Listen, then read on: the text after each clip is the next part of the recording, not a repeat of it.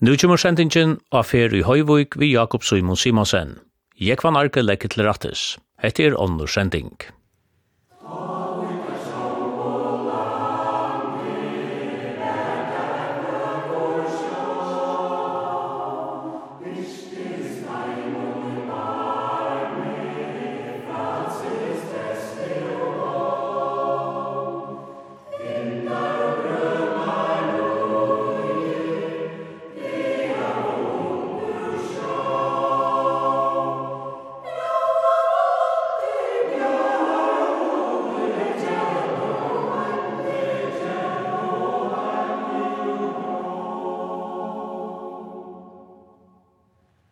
Fyrst i 1900-talen ta fekk Høyvudgen ein stora granne.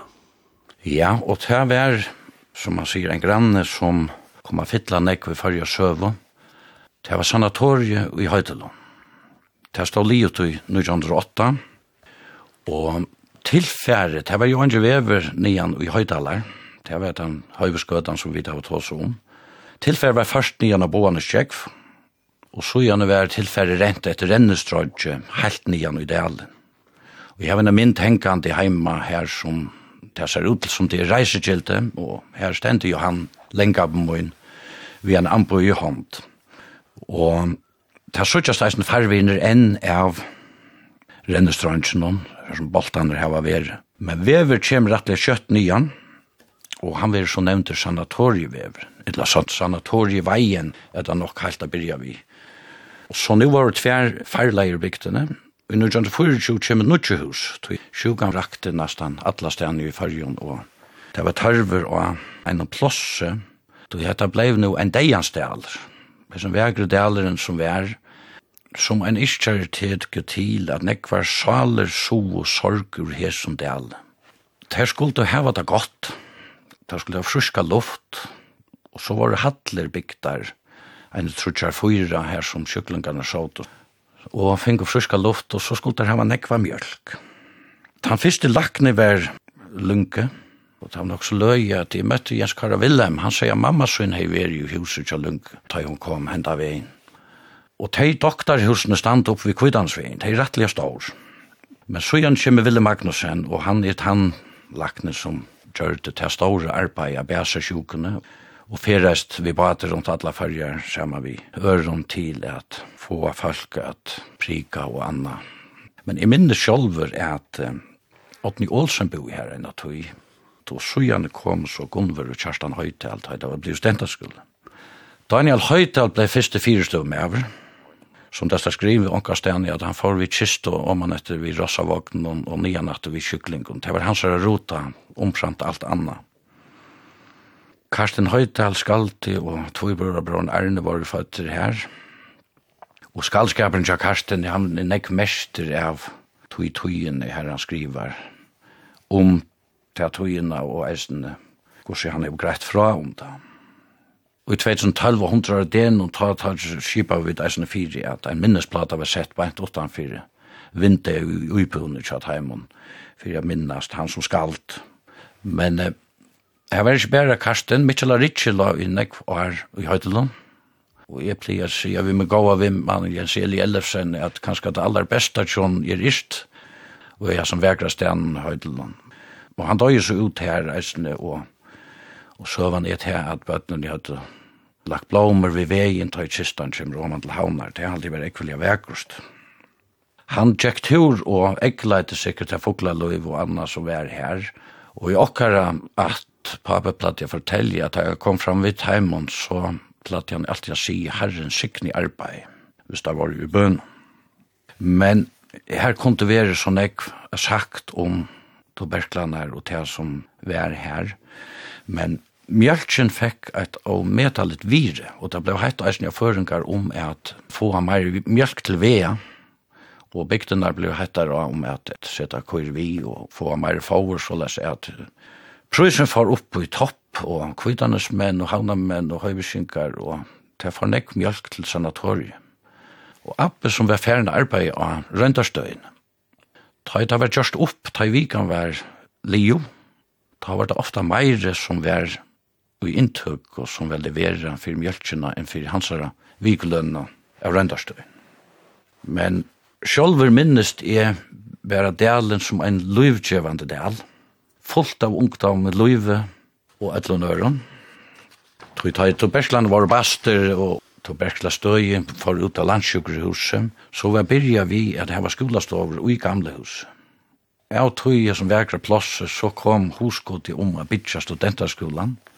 Han stod så livet i 1905 Og så blev gamle hus drenja kostalt, og mutja hus blev gente kostalt. Så her var ratteligt loivois okkara badnaar.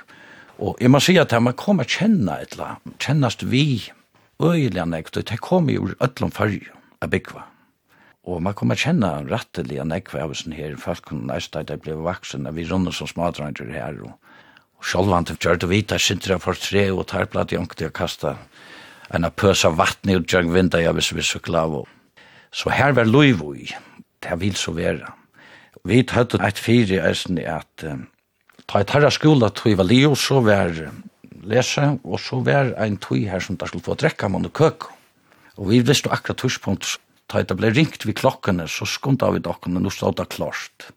Men som er skilt i Oslo og Kristensi og Lindy og Time som arbeidde her, at de hadde nok bæka eika, tog at her visste vi var alltid fram vi etter en køkebit at det stod. De første som jeg myntes bo her, det var Andreas Høygaard og Hansi, Osmond og Elin, og så Kokkeren, han sjakke, og Mia som får til grever nå, seneste vik, et lein av døden her fire. Men her har vi ære bo, og æren jeg begynte minnest anker simer av Svennik Tausen, bo i eisen i her, og så bo i ære. Hansøy og Andreas færre seg ut av lærerskolan, og ta koma Marius og Katrin Thomasen. Men det som er minnes særlig at det var Osmundsa lealighet vi at lana Fimlagatlen. Han var alltid klar om det vikeskiftet til høgtøyer, så var han alltid klar var det til å fære inn i fimlagatlen til studenterskolen å spille, og terskalene var store takk for det er forståelse for utrotten om det var ganske friere var her enn vi gjør det og klandet for tredje og sånt. Først du selv var ikke enkelt skole i høytelen? Ja, det gikk i eisene, og det var eisene en god tog, og her kom man å kjenne nek som kom rundt ur fargen. Flokkeren til åkken var samme sett til flere klaksøk, gonger og sjore, gonger og vaven, og det har man haft glede av. Og hva fått så gjøre? Ja, så får vi banka lære, og her har vi vært til deg nå i dag. Og nå er det skjeet vi var i sommer, og det har vi eisen trivist vel vi. Høyvøk får som fralei av veksa i smaun. Ja, man kan säga kanske att det är att folkkartell för är snä växa och man ser ofta att det först och att han och att har ofta en setus och så att Jerry att säga att anten till en kick eller något annat. Olaf Moore han byggde så hem i bygdene og Inka og Petri Høyvøk Peter tok en setus nyer i havn og bygde så her heim i Agæren. Sættene velte han ser en stora trø oppi i Lengadale. Flotte så nyana eldre år, og Magnus ibetok tehusen, men sattne bygde bæg Sigmund og Magnus og Tvidsrenne. Skrattaren, Jons Nals i havn, han var Nalsinker, han er handla kata hodden. Han bygde skrattarhusene, som enn stand oppi i det. Han velte og planta i trø, og hei så til. Og sattne var hetta til som blei minkagær. Men her framvis en vekker ostagær etter han. Trønd Hansen legger eisen ena trø i overast og høytelom. Bekka og Leivert og Trønd bosittast her, og vi der er det mer enn Katrine og Trøndur. Arne Høytal, som bor i sanatorien, legger seg ena trø inn av samme steg i rettene. Og han og Sanna bosittast så her, og vi der Øssur og Sigvør. Sofie og Arne Mikkelsen bytja eisene av svamlen, og han gjør seg eisene, jeg gjerre, her han trener øyelig djupt, og heier seg, og hodna seier, og så videre. Og så er det nye høytelån, Johan Stalskar, velkommen som bundarfrøyngur og røyndarstøyene. Ellers var han bygge her, og han velte seg eisen jo heve kikk, for. seitene bygge så symen hus her. Men under krøyen og hendene nekka, Engelsmenn teke husen til Kristian Holm, Jakobsen, reierne og politikere, han bygger seg så en hus bænt om han fyrir trønna og tjokken, så er det atter utanfyr, utanfyr gærene nå, når du er ute i henne, og fyrir seg så et gjerri her. Og Torstein Petersen, han griver i, og i overste høytelden her, bygger han hus og hever enn og trø. Sættene kjeipes og doktor Holm, husene tja Christian Holm, da han flyter om han atter, og her iver kjeipes og Sigmund i Høyvuk til at. Lovisa, hon bygger seg hus av bøndatrø, og vi har haft nekva fiskasølmenn i bygden i eisne. Jens Christian Johannesen, han bygde bænt oma fyrir doktorhusene, og teihusen kjepte Gunnar Stockholm, og sætne Jan Dam. Fuja Lampa hei bygd her eisne, teihusen kjeipa Ase og Helge Winter Poulsen, og byggja så en nødt sethus. Nikkel Thompson hei bygd seg en hus her, ta han var flottere ur uibøen i Høytulun, men var framveg starvandi her. Bussi og Tormaur Djurus, Nanna og Egen Sørensen, Olaf og Lisa Reiner, som er nøvsettnitsa og Isak Thomasen, og Bakko Asonte og Magnhild, de bygde og eisne vi kvidansvegin, Morstan Vinter Paulsen, Inge Bjørk og Peter Marsten Rasmussen eisne, og Sigrun Nolse, fram vi kvidansvegin og Ta inn og nevnte skøytek så var Katarina så avfør at det var en fragda suttja. Og i hos noen, ta jevas smadronker, her var Solborg og Gullberg Ulfoss, Jon og Paul Petersen, Anne og Kjerstan Høystedt. Så her var Louis Vui, og det var i samband med Minkakæren, og så var det her Gullberg og Kjerstan for ut av Bakalau og var her alle sånne tog. Henny og Pauli Ellefsen kjeipa trønna tja Sigmund i Høyvik og husene, bytja så nødt hus, og Dahl kjøper tarri hus. Og Inge Bjørg og Sigmund bytja så at trønne som Peter hei velt. Og Sigmund hei så eisene neit her, og hodja i trønna. Så koma Birgit Danielsen, Bina og Birgit, og Robert, Ann Robert Paulsen, Niklas Magnussen, Og anker tar seg om til Birgir og til Varkanner, at til Onne sånne var kommet, at det var blivet så fint av gøtten, at det tar seg frangst av hans gøtten. Tøy, det var jo kommet fra Atlantis, så det bodde sikkert bæg i frangst og flangst. Og... Hette bygden og hyrskjene, ta i baden og ærene, og jeg begynner å minnes til. Men det bor så selv at jeg eisende ånder folk, Tommy Arke lista med over boet, heim i Agere, Han bor nok i fjósen til Torstein Holm, Det er tog i fjósloften som var i bo eina tog åren. Og svamla møyrene færa vi langer nian etter. Hennes og Helena Samuelsen bytja. Jana og er jankommel, Helena blir sier tøypla til at trilla mamma hon. Det stender eisen i tøypautsjene. Kjellmæren Magnus Simonsen og Mia. Og så er det det som ble gamle skole i eisen i tjåkon. Færa vi nian og så er det Daniel Niklasen, fiska Sølstjord. Jeg var en husker, bygde seg en hus her, at han var ferdig fra. Markedet seg er svank, og altså Jakob Gjernon, og Karsten Høytal bygde seg flyte nian midt i alfjersen. Seiten i atter, så hette jeg ikke alt om samme måned, og Torit Holm, og Anna og Kari Holm bygde så. Seiten i kjeiper Meinar Jensen, Meinar til hotellen og Rott kjeipe husene tja Niklasen. Og det var så leis i Høyvika, vi var, vi hadde så kursteise ta, at vi drøpte til fru Niklasen, fru Husker, og her var flere fruer vi, at vi var blivne vaksne menn, og vi visste hvordan jeg ser konen er ytet til forna. Og fru Holm, nærmeste granne, at det var Jeg var lengt der, jeg var vaksen med årene nesten, jeg visste hvordan jeg ser fruen er it. Hetta var så teater som jeg begynte at kjenne til løyve, men selv om det kom nøkker av husene nevnte seitene, og som vi kom fyrre, så hette hendte så løyant. Var det ikke helt jeg være nok så lengt borte fra du ståra bøyden? Jo, tog jeg først i årene, ta var eisende kvidansveveren, en speleplass.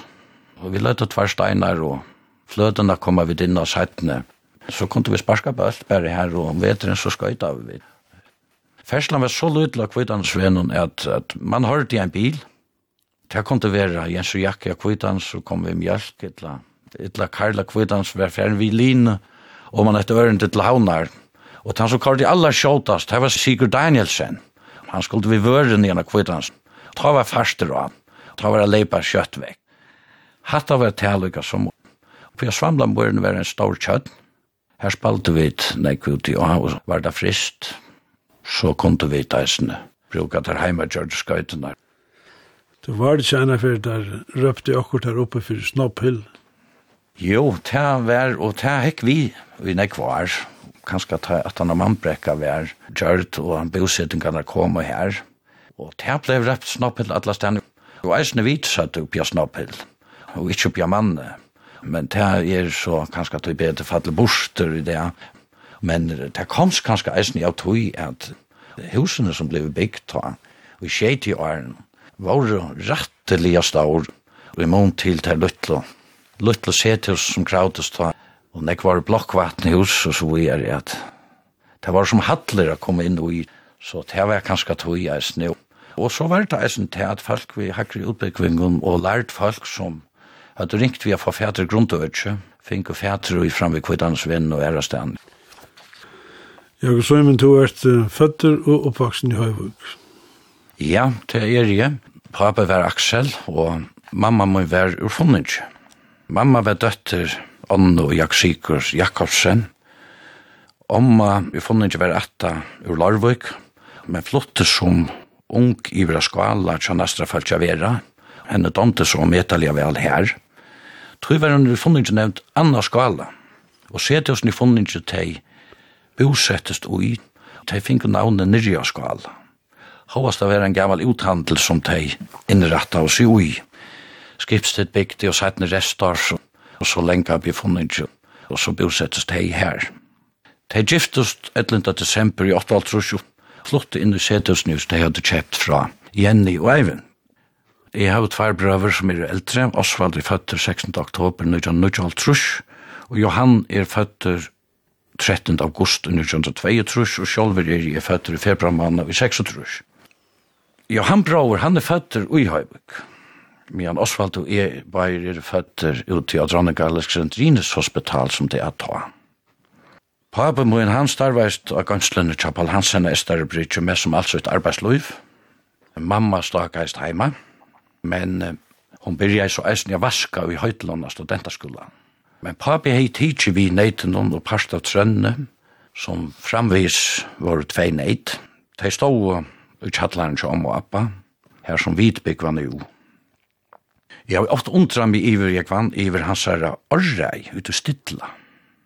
Altså han får opp fra mjölka klokkan fem, djeva, så gjerne får han mjölka nian klokkare, og så var han klarer til verska, av Østerbridge klokkan åtta. Og det stod ikke av at han var her og er klokkan åtta. Og så etter om kvöldet, mjölka og så i sång. Og ikke minst da i høytsinsen var fyr, sommerferien var fyrstand det er. Så opp klokkan fyra, onken til ta slåa, alt var vi lutja. Og til og vit sjálvant i eisen i ordra til at gjer okkara ting riste ut og så er at kom terren som måtte det breiast. Og han kunne være sin til rysen vidt vidt kjøtt Gjørsmann og har lagt okkom til, og til skilje han om etalja vel. Til at en 120 birar skulle fåast inn i hødgjøse som stender enn så vekkust og mar. Så til skulle beie svette og terre til. Mjölkjuna, søyla i mamma, sette henne så ut i en kassa av trappene som stod i skukka, og henne selte vi til folk. Og til hver så på den måten er at folk hadde tverspanner. De kom vi til en tom, og så tok de det fotle og så etter. Og malene de fink, og det var sjølvand til alt, alt etter hvordan folk var i huset, og hvordan jeg bøten, og de som hadde flere bøten, så måtte man anker, køre anker nye skamte, og nå var anker familie kommet som heie flere bøten, og, og det var alt vi leie, besta forståelse. Og det samme gjør til Paul og Ebba, hjemme og Gerre, her kjenker nek folk å kjøpe mjølk, Og det var anket du så lest at Falkur Havn er som kom nyan og kjøpa mjölk tog at de talte ikke til mjölkene som var vidkjørt. De skulle hava gåa mjölk. Anket tog låte vi til eisen mjölk om man er dunkan til mjölkaforsyningen til meg og røye som det var røpt. Pape fortalte fyrir meg at han fekk anket premie fyrir gos nekva litrar enn kikva i mjölka og eit år fikk han premie til hon i mjölka 3300 litrar og det var han ekvelig erin av. Men i det så mjölka der, jeg var ikke, enn 20.000 litrar. Men det er reisende fram alt sjolvande, og dette var det føreska slei parter av tog, og som klarer eis i eisende vi minne. Sjolvande, og ta en løt av vær, så var det en tur av flåt, og få at her til med, det var nekva spæra vi at uh, få med ur fjøren, særlig mamma på Jekvan Peter, de til om metalja vel å komme ni, og vi får en tur av flåt.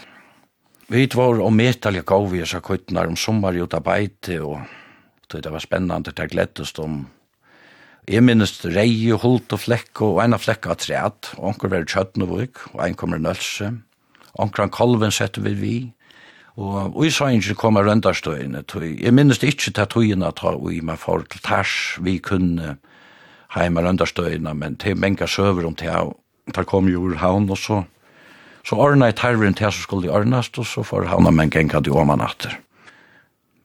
Jeg har i eisen opplevet at ferdig åman etter høybeskøtene, og man er smerena, som er størst lagt av roi, er selja reio, Johan og Pape var ferner, og man er tjattlein som om og appa, og jeg minnes hos jeg trampa i gulven, og, og mamma let meg så ui, tog jeg ville sleppa vi. Og ta, jeg kom om man om husen, ta var der ferner, ta var lute følg, vi sa ui der, Vi færa som han etter høyverskøtene, og pappa var avtølen til han skulle være kajene klokkan åtta, så det var han ikke snakka om. Og i minnes vi koma inn i slakta rui i smærene, da høyde der slakta oksar ur Mykines, og kroppan er hinko her. Ein av slaktaren kjem ta ive til og klappa nir og disse gode reier i Aksel, hentan veri ikkje nek verdt. Ta blei vi sindur rørte til okkar ver verun og metalja nek verd. Vi finkur så okra kjeipa fyrir så innes mæren og imen skrulia vel er vi kjeipt og så er svarsta opptrekkar av jagla nian etter høyresvinn. Så la oss at her. Osvald Bajtje pleier å fortelja at um, han og Simon Abbe Fordel Nøtsjar er at kjeipa na kikk fyrir ta for ut vi mjölkabatene. Det var såleis læreren Nøtse som er at Simon Simonsen, Han var nok at av rur gøtta som er skilje, bo vi ut i stånk. Han er sett en løsning på løyen, han er selv til han kunne at han at leia djevast vi hava kikv. Søymen Abbi Høyvuk, han ringer så, og tar bare fer etter kunne, og han kjeiper han. Tar for så inn at vi baten, og så nye natt til gang. Men det som Nølsingar hilde være sin til stått vi er så søvende, det var det at Søymen Simonsen, og Nølse, selv kunna til Søymen Simonsen i Høyvuk, og det var ikke skilme. Ja, sjølvandi høtte mamma og pappa sina dreymar, men det skulle ikke være så. Mamma ble sjuk, og hon dør så i 1971 år gammel. Hetta var sjølvsagt en kolvelting, men eh, pappa var offer, leie løyvi om, og var fyrir okkon, så han tok og passe alle ter oppgavene som ikke hei. Og hjelpen av henne finner vi gåa, så solen faster under sjakk og per åtte vi døvra kvann det er i flere år, og tar vi for om at havnar ganger skola, så åtte vi døvra ut i kjøya kvann Peter og Anna, Marbrower. Og her var sånn mang, mang ånder som hjelpte og stola, og ikke minst stol fra gode vimman. Men jeg er noen døye, man visste kvann veta bjær, Så selte vi kuttnar til hans vanka av vatnaskøren. Vi minnes Paul, pape Hernus, han sier meg at vi bare skulle leie kuttnar nian av vatnaskøren. Og en dag får vi sånn, han helte jeg skulle leie nølser, kunne hun var minne og hon var spekare. Og så skulle han leie flekk og som var er synder større.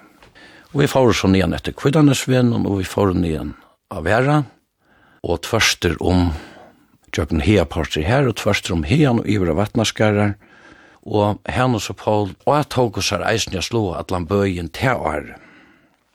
Så var hettar ivesteg vi neit.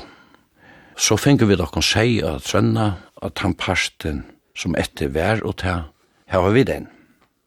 Men av hesson så kom jeg fjeras nek til fondings, vi tjekk eisen i her norrer i einar, tvær suttja måneder, og i 1906 av fjers har jo mamma vær og i Danmark og fikk vittjer.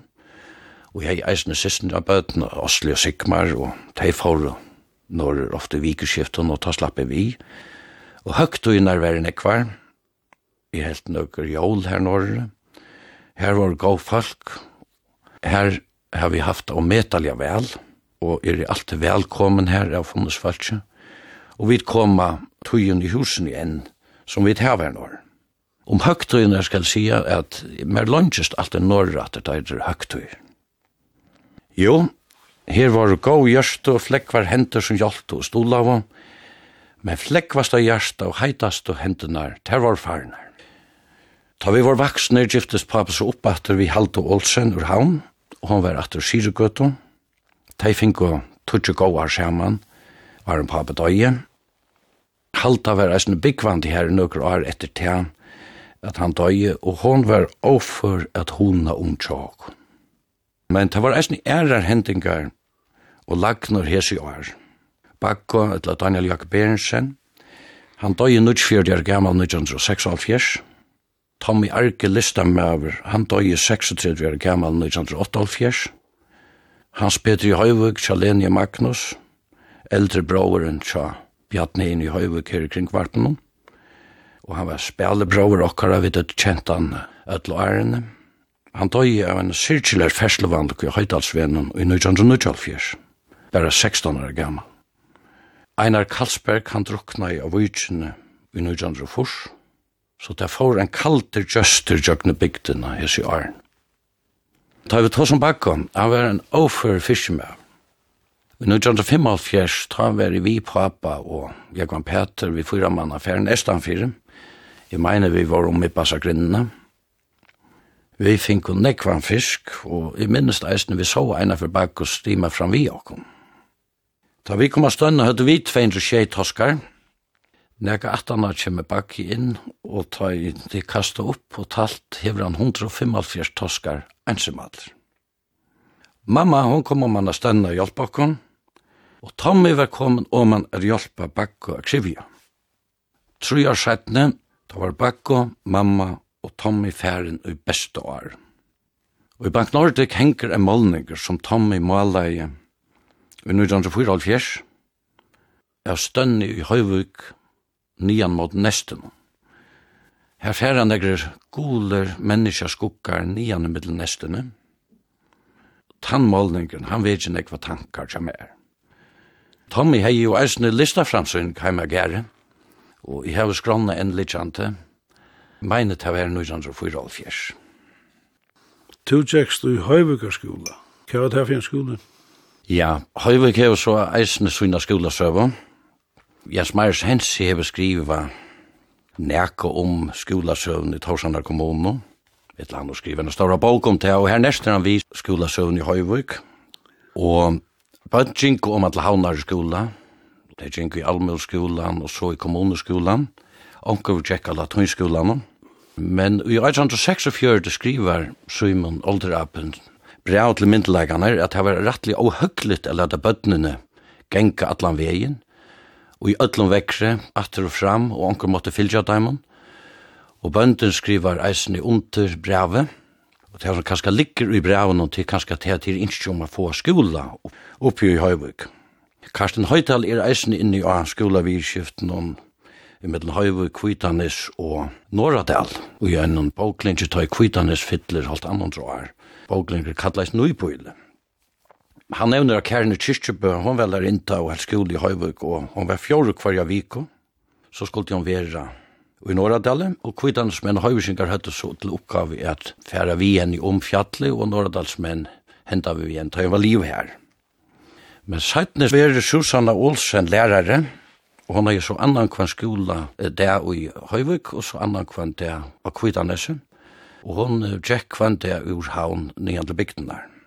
Men Kvidanes fær en nutjan skola langt i 1915, og Jörg Dahl Proster, han var bratteliga framhallig ui a få til og greit. Men Høyvik fekk så unga skola, Heim jeg gær i høttet her kanskje privatskola, eina tøy, i en stov i uibunnet tja Daniel Høytala sanatorium og her var skolastova, men så kom det her at øtten fyrir smitte av tuberklenon, at uh, lakne sett lukka som far på fyri at det bare ikke tila bøttene rundt i middelen, så at det blei en skolastova og i tjallaren tja hans Ababadja, og det var uh, ikke tåsak så grulende kanskje om inne klimata, Tøy at tøy bøttene kom i skola, så var neitene til vinstru, og skolastovan var så til høgru i tjallaren. Og her var gink og gav folk helt oppe i trusjene i skola. Så koma vi til årene mittlen 1904 trus til 72, ta i bæra skole oppi akvitanes. Og jeg fer så sjálfur i skole 1972, ta var badna til økt, og kommunan hei så kjept husen fra Sverre Hansen og Svamlamøyrene. De var flott åman til havnar, og jeg mener bøttene Marsten og Regen og de hadde gintje av kvittane skola og arren. Hese husen standa vi suyina av Tja Helene og Hans Samuelsen og, og i det eier Ulla Sverre Vankhusen. Jeg byrja ikkje beina vegin, tog jeg var ikke kom til alders til affære skola, men det var en sånn lydel skola gær utanfyrir her som tøy i frukasteren og spalte og sparskav. Og Jeg sykla så nian kvarja fyrir det var frukoster og pausa, og så om man atter det teg for inn. Og jeg minnes jeg spurte mamma, nær skal det nian atter? Nå, hetta Jack så, kanskje negra viker, så ringer telefonen heima. Og mamma blei var sindri alvorlig, og nu er det Margreta Ness som er i telefonen, og spyr om dronken i Sjøverhova kom i skola. Så han er alltid her allukavall. Og jeg minnes jeg dansa av glede og galven og så glæver blei. Og jeg minnes eisne at hon hei kipa så les fire at ta jeg kom i skola morgen etter, ta jeg hon stilla alla næmingarna i rø, og alle tok pent i hånden av meg og yngste meg velkomna i skolan. Så det var min byrjan. Hver lærer var at tre, at jeg halte Annika Niklasen var eisene, men vi hadde kanskje bare Margrethe og kanskje Og vi kvart løst i livar nesse er av hvis hun var angstane. Og vi kvart leip Helena Samuelsen i om. Tog hun var eisen lærere lært at her var ankra tøymar. Og sætne kjem så Peter Dahl og Herver Jakobsson. Og så vekser vatnatel i eisene. Men det som er minnes som byrja vi okkara fyrsta flotje, det var Anna Dalskard, Bjørg Djurus, Sikri Høysted, Harriet Rasmussen, Ulla Svarrer Vank, Beata Kvidanes, Ola Vestergaard, og Bjarni inn i Høyvik, Otni Ellefsen og jeg sjolv. Men det kom nøgra træt rettelig kjøtt. Sigrid Simasen, Hans og Egil var flotte nye, hadde bygd av trønnene, Leila Sørensen som nu heter Gullfoss, og Christian Dahl og Rein Hansen. Og foreldren til Rein, Dorres Bjartne, de hadde kjøpt til husen i Heima Geri her til Magnus i Høyvig som ta hei bygd opp av trønnene. Vi gikk og eisen i skola leir da, Men oljekreppen kom så, vi tror i alfjers, så det blev gives vi tog. Og vi gikk anna kvart åra kvidanes jo i Høyvik, og okkara flotje minnes det ta fattelig lot vi gikk i tria flotje, og i femta flotje av kvidanes. Og det var sera spennande å genga kvidanes. Det damte jeg kom best. Det var eisen tog at vi ble kort nian her. Bjarten Dahl Kristiansen hei haft skulda karinjina, men i okkara tog var det hans mann i dølen. Og vi kom jo kjenne bygdene, vi kom jo kjenne falskene her, som bolag av oss her i tog bygdene. Vi får reisende utfører, vi får ut av Nese, vi Atjersvøk og i Heian. Og så hadde vi reisende eisne omkring kjentlige vikarer reisende til togene, middelen andre Herman Oskarsson, Daniel Paula Haraldsen. Men så fyllt, man måtte manna seg opp, sånn at det var vi flotje sammen med Ole Vestergaard, Bjartnein og Odna. Det var å spenna seg ut. Men vi hadde unga smøystov, så til vi er ein turer av treat vi finko, Høyvuk og Archer og Dalaner, det var i Torsanar utan budja kommunen å ta. Så vi får ut av Archer at det var smøyt av Vikko Olsen. Vi minnes som det var frutja det. Var det kjave, og vi kom ut av bussen, ut av Archer, så ble vi et underdukter i kjavabløgen fra Archer-drøntjen Men vi sværa vatter, vi sækar stamma åtta, og ta måtta arja drøntjer, håpe etter hel. Bygden vekser framvis, og nu er stor utstitching fer oppja manne. Mannbrekka Nikla Morsgøta gråthusvever, så ta fjölkast vi bøtnen og bosettingon, og nu bliva skolaner for lytler til hos bøtnene, og ta vi ferri holdt vi a bytja nutjan skola, og man fyrir vegin lenka og han stendte liver i 1924. Men han var ikke helt liver, fimlega høtlen var så etter han ble så liver i 1924. Hatta var så det første og ærene i munnen, badna ærene. Tid byrja ut i nudja skolan i 1924. Jeg minnes det som det var senast i augustmåned, at vi byrja nere i gamla skolan, Men så var liot og klosta færa nian, og jeg minnes at vi marsjera av nian. Vi balkon og øren ur gamla skola, hessen rilen av bøtnen, og jeg mener eisen ja, vi var fyralfjers bøtn, og i hakthøllen som jeg ser fra skolan, som byrja av og i tøyskolan. Og jeg minnes eisen gos av metalja størst i helt hessa mi høtlen av vera kom inn, og jeg vet at han kan de haft denne sløyga høtl. Peter Dahl, han som var kommet nokre år fremman undan, han avløser Margrethe Ness som fyrstelærare, ta Margrethe Gast som lærare i Høyvøk. Peter ble sætten skolastjåre, etter til han teker Birgit Ark i Iver, så gjerne Olav Kipagøt var eisende være skolastjåre, og så gjerne Hans Jan Thomsen, og nå er det Jensa Kipagøt. Men det var flere lærere som kom i atreat, og mittelen andre hadde Hvit, Bjørkven Nilsen, Anneke Høygaard, Bjarsto Høygaard, Henning Tausen og Jenny Lutersen, og flere træd som er dæra flokkar. Men vi gikk bare tvei år her, så får vi man i Østerskolen framhalstalt i åttenda flokk, og så byrja jeg en nudj skolatøy.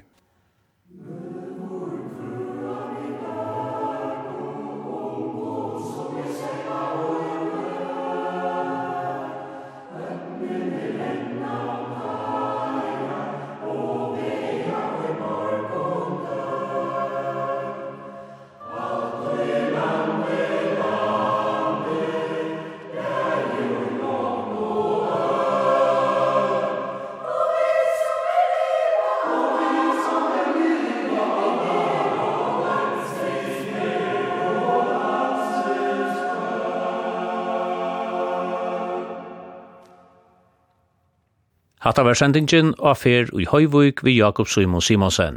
Jeg var narke leie til rattes.